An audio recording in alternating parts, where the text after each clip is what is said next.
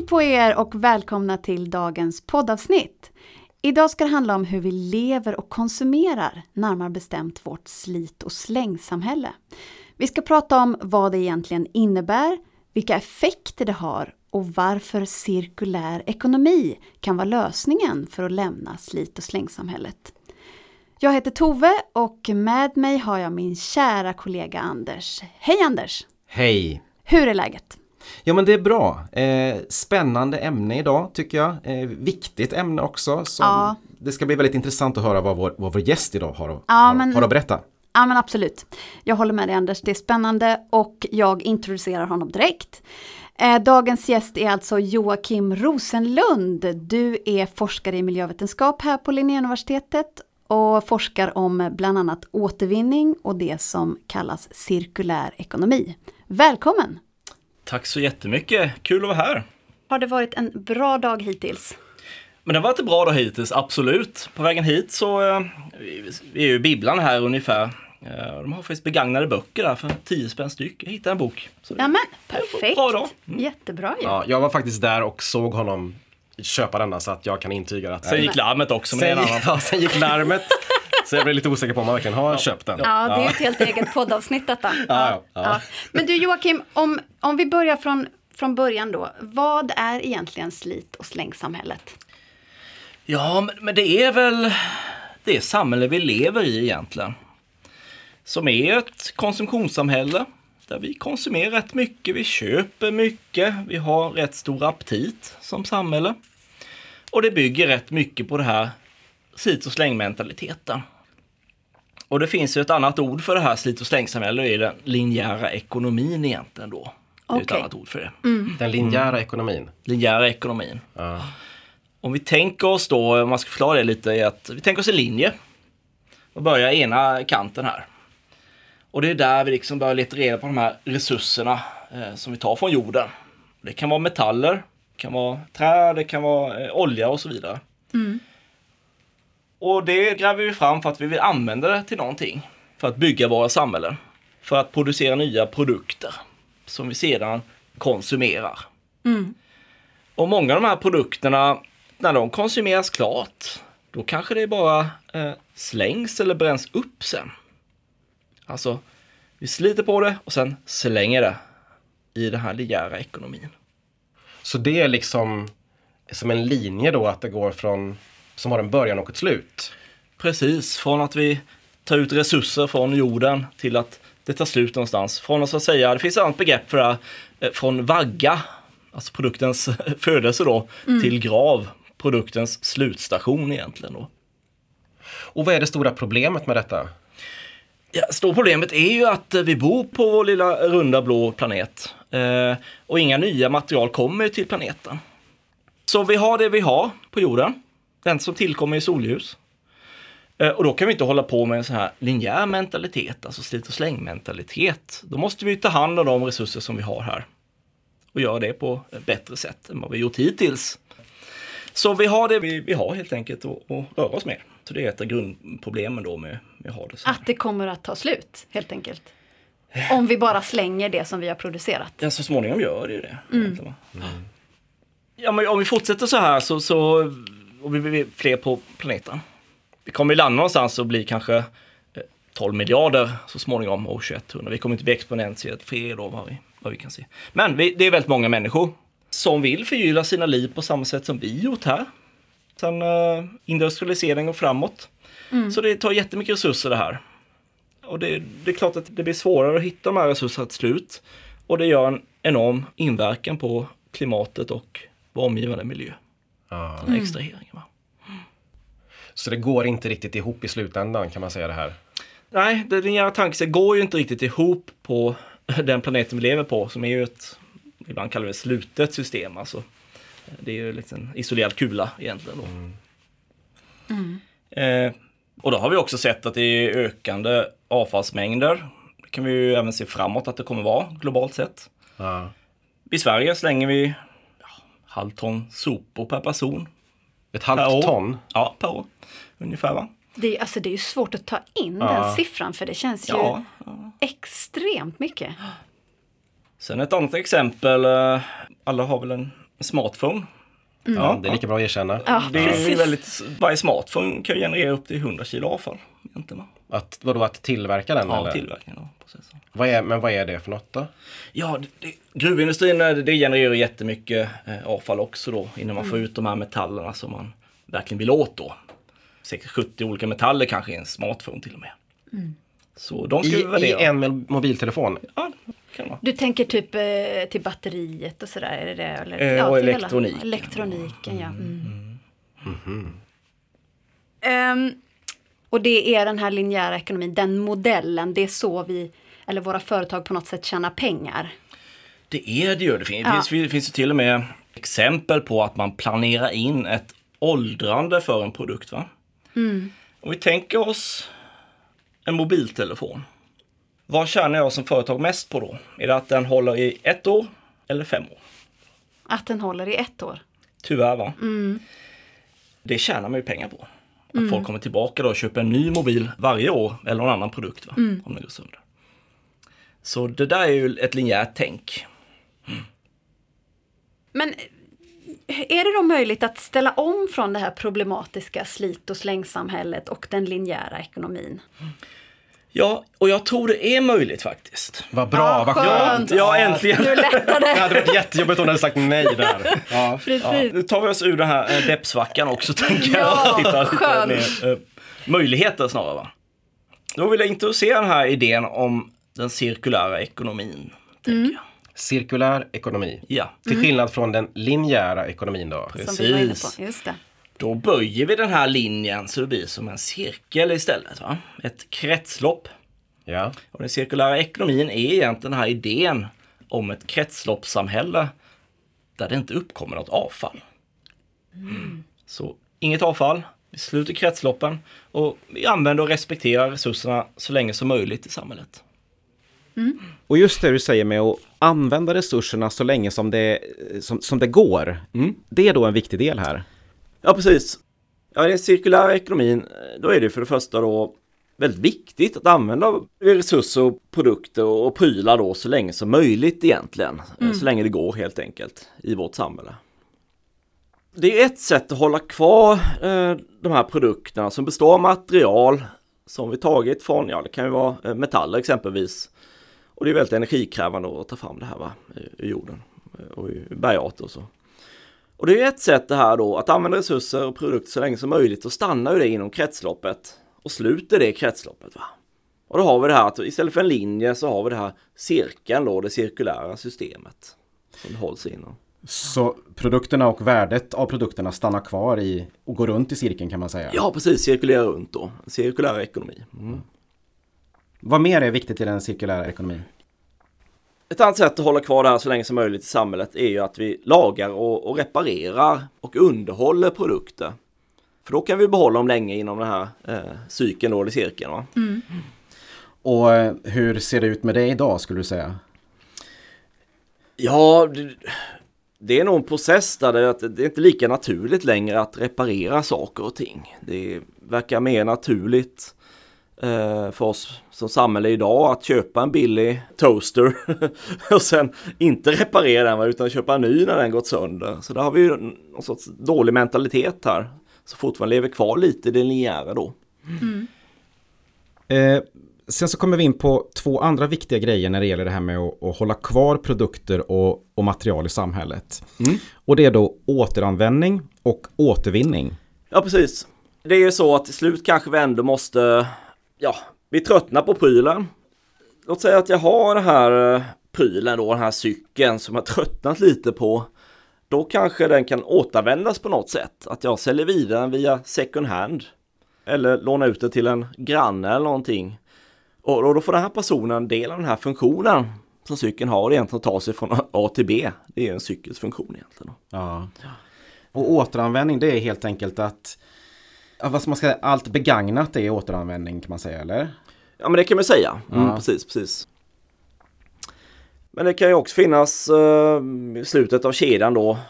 Kanske man ändå måste gå till det här med återvinning då. Att ta hand om materialet som det består av. Eh, på så sätt kan man ju också sluta det här kretsloppet då. Eh, så länge som möjligt. Och där finns det olika material som är rätt bra att återvinna då. Det är ju glas och metall och så vidare då. Så vi kan återvinna rätt eh, många gånger. Ja. Så det kan med nya saker. Vad är det vi återvinner idag? Hushållen, det vi återvinner i vardagen det är ju egentligen förpackningar. Plast, metall, glas och pappersförpackningar. Också tidningar då. Och det är ju ett fungerande cirkulärt system det här med återvinning av förpackningar. Hur, ser det, hur bra är vi på den här typen av återvinning? I Sverige är det faktiskt rätt så bra. Det är ett rätt fungerande cirkulärt system. Och vi är särskilt bra just på det här med, med glas och metall. Vi är lite sämre faktiskt då på det här med plastförpackningar. Okej. Så det är fortfarande rätt många förpackningar som hamnar fel egentligen i, i soptunnan. En tredjedel ungefär eh, hamnar fel då i i det här blandade avfallet då. Så det bränns upp istället och det är inte bra utan vi vill ha det här, det här cirkulära återvinningssystemet eh, istället. En tredjedel. Av alla förpackningar. Och det kan vara mycket av plasten där då. Det kan vara mycket plast där. Mm. Varför är vi dåliga på att återvinna plast? Det beror nog på att det är lätt att det hamnar i det här blandade avfallet då. Det kanske är lite snuskiga eh, plastförpackningar, vi är lite lata och så. Ja. Dessutom finns det ju mycket plast i omlopp också. Och det är också ett problem och det får man ju lösa redan från början då att eh, man kan skära ner på det här med mängden plastförpackningar. Eh, Det, det kan man ju vara med om när man köper någonting så det är packat i plast och sen inne där är det packat i mer plast Ja. eh, och så vidare. Vilket känns ganska onödigt, eller Ja. ja. Så, mycket plastförpackningar i omlopp så faktiskt. Men du sa att generellt så är vi ganska bra på det här med återvinning i Sverige. Det är ganska bra. Vi har ju, det sitter lite i ryggraden tycker jag i Sverige. Man har väl varit i något land där de till och med slänger glas i vanliga soporna då. Och det, och det, ja, det tar emot. Ja, nej, men, men jag, jag, en jag, ja. absolut. Jag tycker jag har sett det också. Att, Ja, ja. Och det känns lite som, men vänta, det där var ju helt fel. ju. Ja, ja. ja. Och de har fått in det här eh, rätt så bra då i, i, i medborgarnas medvetande tänker jag. Ja, men precis. Att det blir Ja. något som känns instinktivt. Ja, men precis. det här är inte rätt. Ja, ja. Ehm, du eh, Joakim, hur, hur startade allt det här med cirkulär ekonomi? Ja, vi kanske kan gå tillbaka redan till 50, 60, 70-talet med en växande miljörörelse och en konsumtionskritik egentligen då. Så småningom eh, vad vi i Sverige kallar för kretsloppssamhället där det inte skulle eh, dyka upp något avfall i slutändan. Eh, Men sen det här med cirkulära ekonomin tog ju en, en väldig fart. Eh, Bland annat genom eh, en britt som hette Ellen MacArthur. Okej. Hon var eh, ensamseglare och slog ett rekord där genom att segla jorden runt på 71 dagar. Det var eh, 2005. Alltså segla... Ensamsegla, mm. Ja. en liten segelbåt. Okej, ja, jag förstår. Ja, jorden, jorden runt. Jorden runt. Ja, det låter lite ansträngt bara. Ja, ja, det är ju en enorm utmaning. Hon hade nog väldigt mycket tid att tänka också där ute ensam i båten. Ja, och tänka gjorde hon då antar jag. Hon tänkte, eh, såg ju nästan den här båten som en jordklot i miniatyr. Där finns ju det vatten hon har tillgång till. Där finns den mat hon har tillgång till. De prylar hon har, allting är på båten i det här nästan isolerade jordklotet som hon seglar runt i på oceanerna i. Och då väcktes ju tanken att jag kan ju inte slänga saker över bord utan jag, jag måste ju ta hand om det avfall som, som dyker upp. Jag har de resurser jag har här på båten. Det är ett slutet system, ett kretslopp egentligen då som måste eh, funka. Och då kommer hon in på det här liksom, tanken, men det här måste ju fungera på större skala, på samhällsnivå, på global nivå till och med. Eh, så då lite senare efter detta startade hon Ellen MacArthur Foundation. Och då började det här med cirkulär ekonomi väldigt stort, exempelvis bland, eh, i- inom industrin. För den här organisationen satsar väldigt mycket på att få ut den här idén om den cirkulära ekonomin då till fler aktörer. Men så när hon satt där i båten, innan hade hon inte haft så mycket tankar kring just det här utan det var någonting som väcktes hos henne när hon... Ja, det var efter detta hon tog tag i det ordentligt i alla fall då. Ja. Ehm, liksom verkligen började runt och föreläsa om det och, och starta den här, den här organisationen. Ja. Så den här Ellen MacArthur är lite av en... Eh, Ja, För, blev, förgång, eh, för, föregångsfigur. Ja, men det här blev verkligen ett nytt startskott för det här kretsloppstänket med Ellen MacArthurs tankar då. Och det började hända väldigt mycket. Eh, Vi såg flera företag och industrier som började ställa om. Och man började prata mer och mer om det här med cirkulär ekonomi. Och idag pratar man om det på, vad ska man säga, politisk nivå också eller? Man använder det begreppet. Ja men det gör man. Det är ju rätt häftigt faktiskt. eh, både i Sverige och i EU. Man pratar om det i industrin. I akademin som vi sa. Ja. I företag. Studerande i entreprenörskap till exempel tycker jag är intressant. Många nya entreprenörer som, som liksom grundar sig i det här cirkulära tänket. Och vad handlar det om i grunden? Det handlar om egentligen om att göra rätt från början. Mm, jag tänkte precis fråga det. Liksom. Hur är, hur är ett, ett konkret exempel på ett, en, ett företag då med, som tänker cirkulärt? Det är att göra rätt från början sa du. Ja. Och hur är det? Ja, jag ska ta, jag kan ta ett exempel som jag har på mig. Oj, nu tittar vi genast vad som finns här. Ja. Ja, just det jag får titta här. neråt. Oj, hur djupt ner får man titta? Och eh, jag har på mig nyköpta skor faktiskt. Ja, jag ser det. De, de glänser verkligen. Ja. Ja. Och det är inget återvunnet material vad jag vet i dem. Men jag vet att de här skorna håller länge. Och jag vet att jag kommer ta hand om de här. Och jag vet att de är sköna, så jag kommer använda dem varje dag i många år. Ja. Och då tycker jag man, man tänker så från början som företag att vi gör kvalitetsprodukter som håller länge. Som kunden uppskattar, som används. Då, då är man på rätt spår tycker jag. Faktiskt. Men om det är då ett företag som ju fortfarande finns i den här linjära ekonomitänket. Kommer du aldrig, då kommer inte du köpa ett par nya skor förrän om eh, eh, flera år? Nej, just Fem, det. sex, sju? Förhoppningsvis ja. Ja. Mhm. Och hur skulle Och de då kunna tjäna pengar liksom på att du har kvar dina skor? Ja, alltså det är inte de billigaste skorna då. Nej, Exempelvis. just De det. kostar lju lite mer. Vad kostar de? Nej, det är vågar jag ska inte säga. De ser väldigt dyra ut faktiskt. Ja, Kvalitetsprodukter kan kosta lite mer. Det är en konsekvens. Men om man bara behöver köpa ett par skor var femte eller sjätte, sjunde år eller tionde år. Då. Det jämnar väl ut sig då. mm. om man tänker på användning då till exempel. Hur mycket Ja. de då skulle kosta varje gång jag använder dem Ja, eller varje dag. Mm. Just det. Ehm, produkter måste ju kunna hålla länge. Vi designar dem med material som håller länge, som är förnybara. Ehm, sen kan man tänka att eh, man designar sina produkter som är lätta att reparera. Våra smartphones eh, nu för tiden, de är ju rätt svåra att reparera. Jag Ja. vet inte ens hur man får bort den här skärmen. Jag vet att det finns instruktionsvideo för det va. Men det är, jag skulle säga att det är inte lätt att reparera de flesta smartphonesen. Nej. Eh, Så kan man göra det lättare på något sätt för folk att reparera och, och gå den vägen istället då. Mm. Du pratar om cirkulära företag. Vad är... Vad, vad kännetecknar ett sånt? Eh, och det, det finns rätt många typer av företag, men jag kan väl ta några exempel.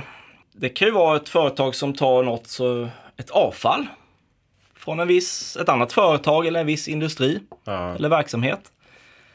Och sen gör man något av det här avfallet. Och det kan vara, tänk oss, rester från träindustrin som blir till eh, eh, leksaker exempelvis. Mm. En Det finns ju exempel på alltså. detta. Ja. Mm. Eh, Så då gör man, går man någonstans från ett problematiskt avfall här som vi behöver hantera på något sätt eller bränna upp då till att det blir något som vi värdesätter. Mm. Det är ett exempel på sånt cirkulärt företag. Men finns det något mer? Alla jobbar ju inte i, med, med träbitar liksom. Nej, så är det ju. Men eh, låt oss gå tillbaka till de här eh, reparatörerna helt enkelt. va. Ja. Skomakaren som vi går till för att eh, hålla ordning på våra skor exempelvis. Va? Det skulle jag också kalla ett cirkulärt eh, företag. Jag skulle också vilja lyfta de här som verkligen tänker igenom designen på sina produkter så att de håller länge då, som vi varit inne på mycket nu, att det går att reparera eller i alla fall byta ut delar i det eh, på ett lätt sätt. Eh, det skulle också kunna vara cirkulära företag. Hur stor del av samhället är cirkulärt idag skulle du säga? Ja, i, Sverige har det kommit en rapport. Det kommer varje år som heter Circularity Gap Report. Både globalt men också för Sverige nu. Den visar att Sverige är 3,4 procent cirkulärt bara. Det är inte mycket Nej, alls. precis. Nej. Mm. 3,4. Ja, det är precis det visar den här rapporten från RISE och, och Circle Economy då. Medan globalt sett, vad siffran är, vad är den? 7-8 procent någonting.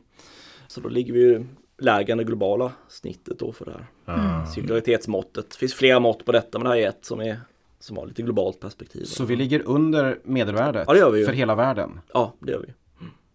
Det, det låter ju inte bra. Nej, det finns jättemycket potential att utveckla det här i alla fall. Då. Vi kan definitivt bli, bli mer cirkulära. Eh, Nederländerna eh, ligger på 24,5 procent cirkularitet exempelvis. Eh, jag, vet, jag vet faktiskt att Nederländerna dyker upp ofta som en föregångare när det gäller detta. Det kommer många nya innovationer därifrån och man har satsat en hel del på det också. Varför har Sverige en så låg siffra skulle du säga? Det är ju ett utvecklat industriland. Vi har ju gruvindustri, mycket avfall i. Vi eh, lagrar ju mycket materialet i byggnader och infrastruktur, våra vägar och vi har också låg nyttjandegrad av vissa prylar, exempelvis bilar som mest står still mest delen av tiden. Ja, vi, vi har en hög konsumtion. Ah. Men, Alltså jag har ingen siffra i huvudet men tänk på hur ofta svensken köper en ny mobiltelefon exempelvis. Tror Ja. det är rätt ofta faktiskt. Ja, Vi har råd att att slösa. ja, ja precis. För vi har råd att köpa nytt hela tiden. Vi har det för bra kanske. Vi har det bara bra kanske. Mm. Möjligt. Du, jag tänkte vi skulle ta, gå tillbaks lite till det här med återvinning. Mm. För du har ju, Joakim, du har ju faktiskt testat det här med att se hur man kan göra det här med återvinning lite roligare Mm. och uppmuntra människor att, eh, att, att jobba med återvinning. Och då pratar vi om ett projekt som du har jobbat med som heter Det spelifierade miljöhuset. Ja. Berätta, vad är det för något? Det spelifierade miljöhuset, ja, det var egentligen att vi byggde ett miljöhus, rätt unikt, eh, med spegelglas runt omkring då. Vi kallar det ibland för snöflingan, ser ut lite som en snöflinga ovanifrån. Okej. Det Ja. sticker upp olika torn då, hela det här inglasat, så man kan spegla sig från alla vinklar. Så nästan som en skulptur skulle det kunna stå då, eh, egentligen mitt i stan.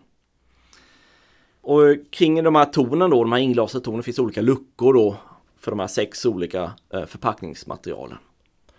Och, en, och en, en av tankarna var ju här då att det skulle vara liksom en snygg byggnad eller snygg...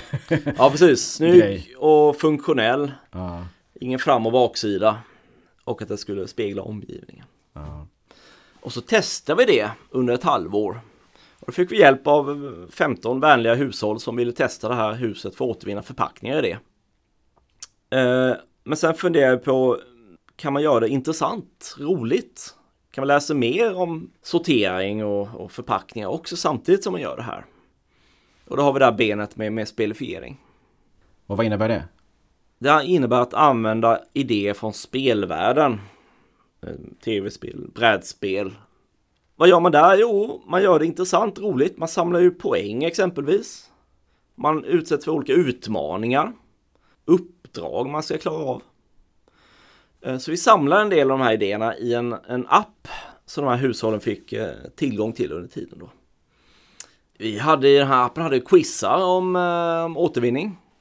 Det fanns också olika uppdrag. Eh, Varje månad hade tema. Första månaden kunde handla om, om pappersförpackningar exempelvis.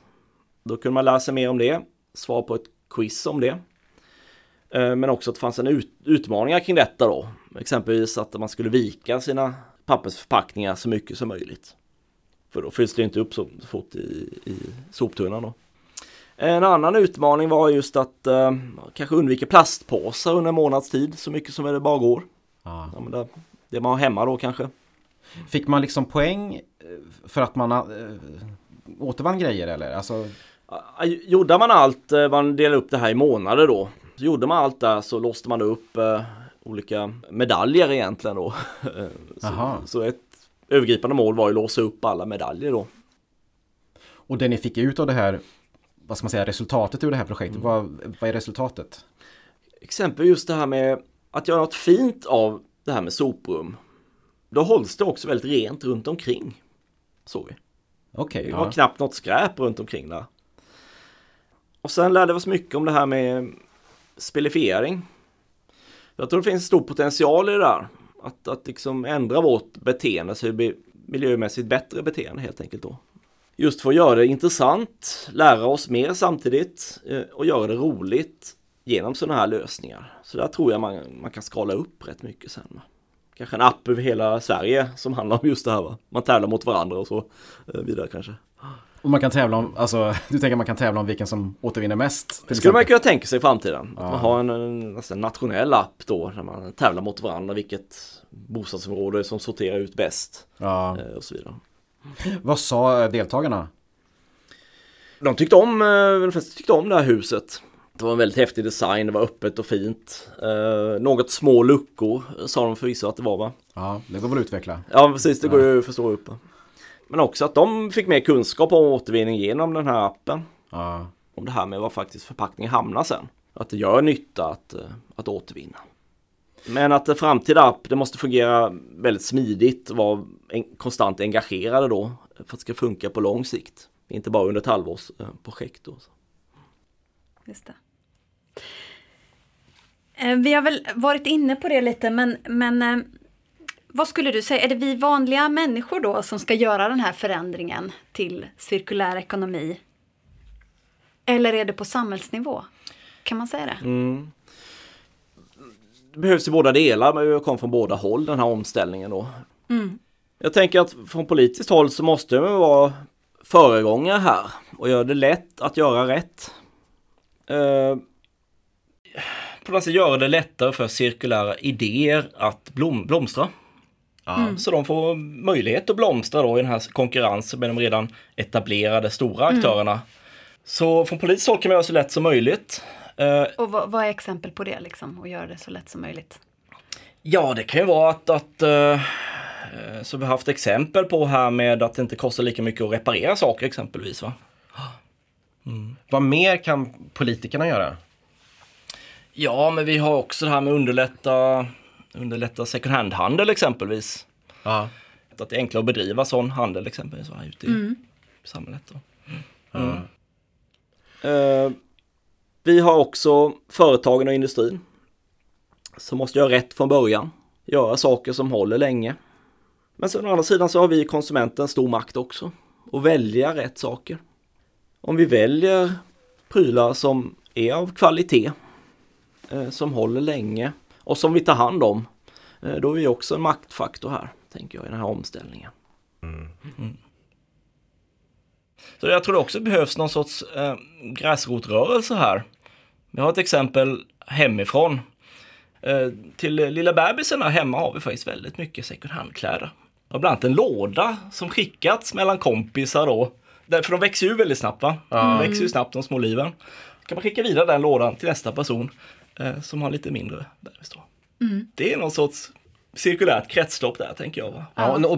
bokstavligen cirkulärt kan man väl säga också nästan. Ja. Att den går runt den där. Ja men verkligen Ja. va? Mm. Ja, för sådana kläder slits ju inte eftersom de växer så snabbt. Precis, det är ju jättebra.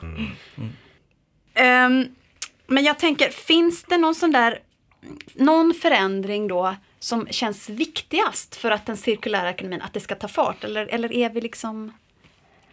Jag tror på något sätt blir det viktigaste alltså en förändring hur vi tänker kring saker och ting. Kring våra prylar, våra transporter, våra hus. och Någon slags medvetenhet då? Ja, och uppskatta det här, de här fina grejerna vi har. Den här mikrofonen, smartphonen, flaskan och så vidare. Då. Så en, en annan syn på våra prylar. Ja, det tror jag är rätt viktigt faktiskt. Hur, hur, skulle, Främja den. Mm. hur skulle du beskriva den synen? Ja, det fin- det finns ett begrepp som är emotional durability, alltså emotionell hållbarhet på något sätt. Att jag, Känslomässig? Ja, som jag nu känner till mina skor här. Att jag Ja. har något, jag vill ta hand om de här. Jag vill att de ska överleva i många år. Det är inget jag vill slänga på soptippen eller bränna upp, utan jag vill jag ta hand om länge. Och ha det till, kring fler prylar, det tror jag är en rätt viktig omställning för många. Man får ett, en relation till dem. Ja, precis. Ja. Ja. Man uppskattar dem, tänker på dem. Och vill att de ska leva länge, ja precis. Mm. Sen tror jag också det finns ju ett steg till där.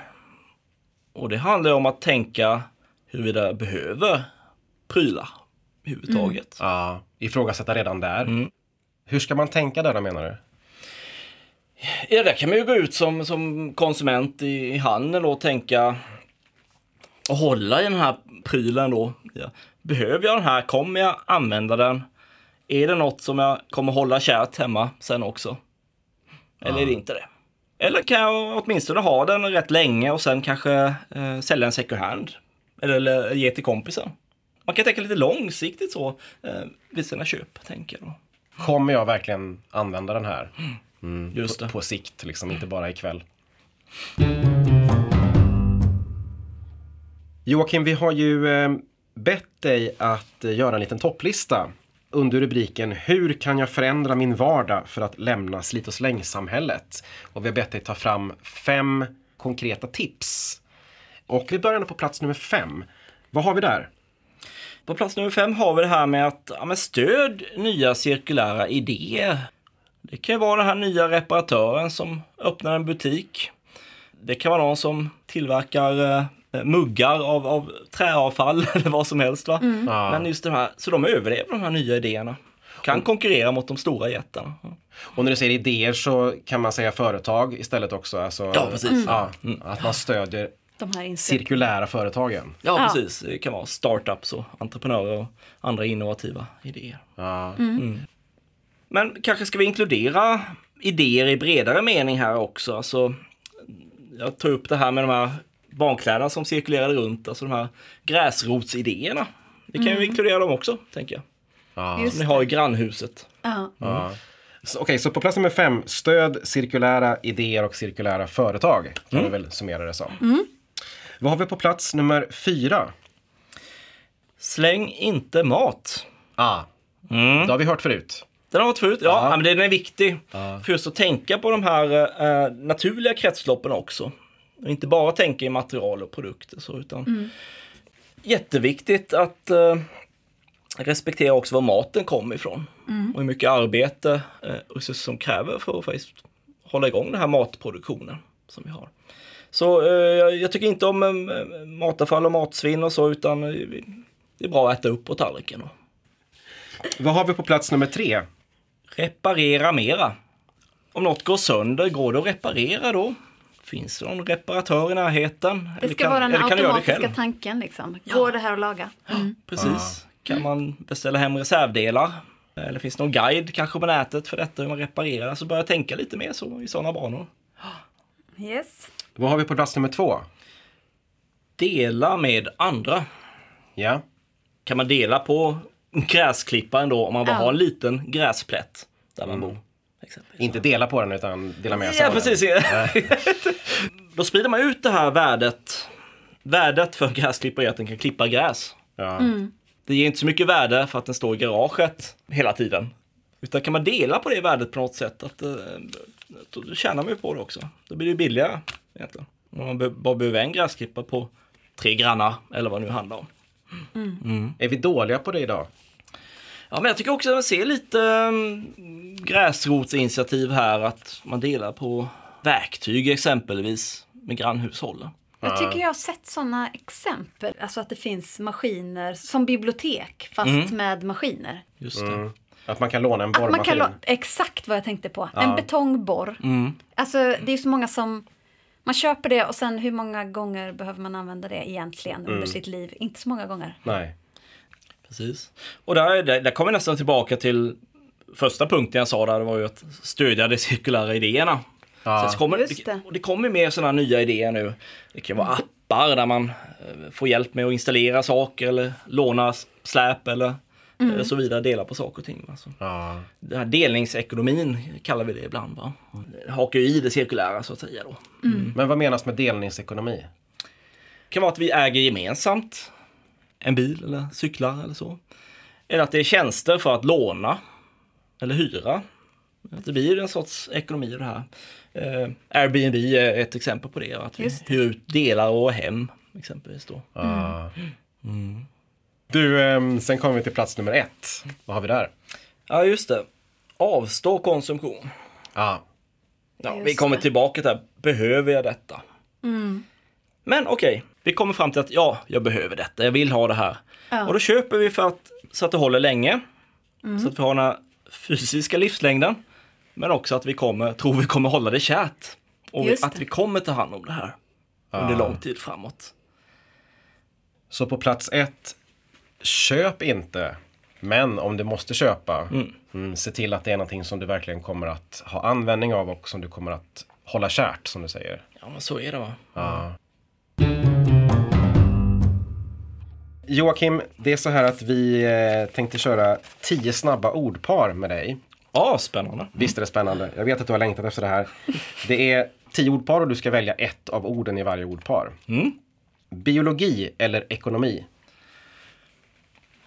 Biologi. Tågresa eller tångräka? Tågresa. Löptur eller tupplur? Tupplur. Buffé eller trerätters? Eh, trerätters låter gott.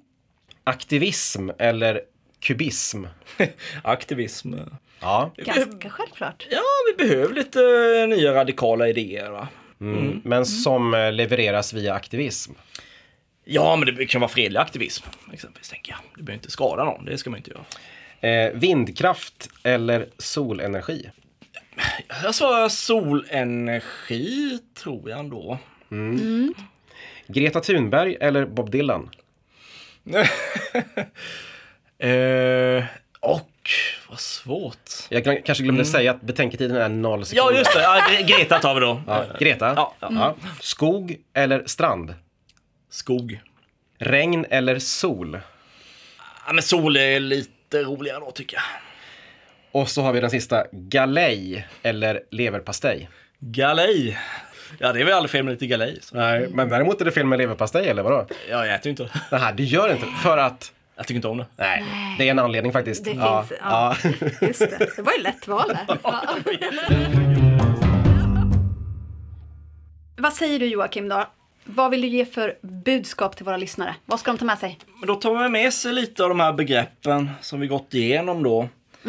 Att det här linjära samhället som vi egentligen lever i fortfarande då. Vi, vi behöver kanske övergå till det här med cirkulära samhället då. Där vi respekterar och, och tar tillvara på de resurser vi har här på jorden. Men samtidigt kanske lever lika bra liv ändå. Mm, om vi lyckas med den här omställningen. Stort tack till dig Joakim för att du var här och redde ut hur vi ska lyckas lämna slit och slängsamhället. Och eh, Anders, tack till dig också såklart. Tack själv. Och snart eh, hörs vi igen, eller hur? Det gör vi. Ha det så bra. Detsamma. Hej då. Hej hej!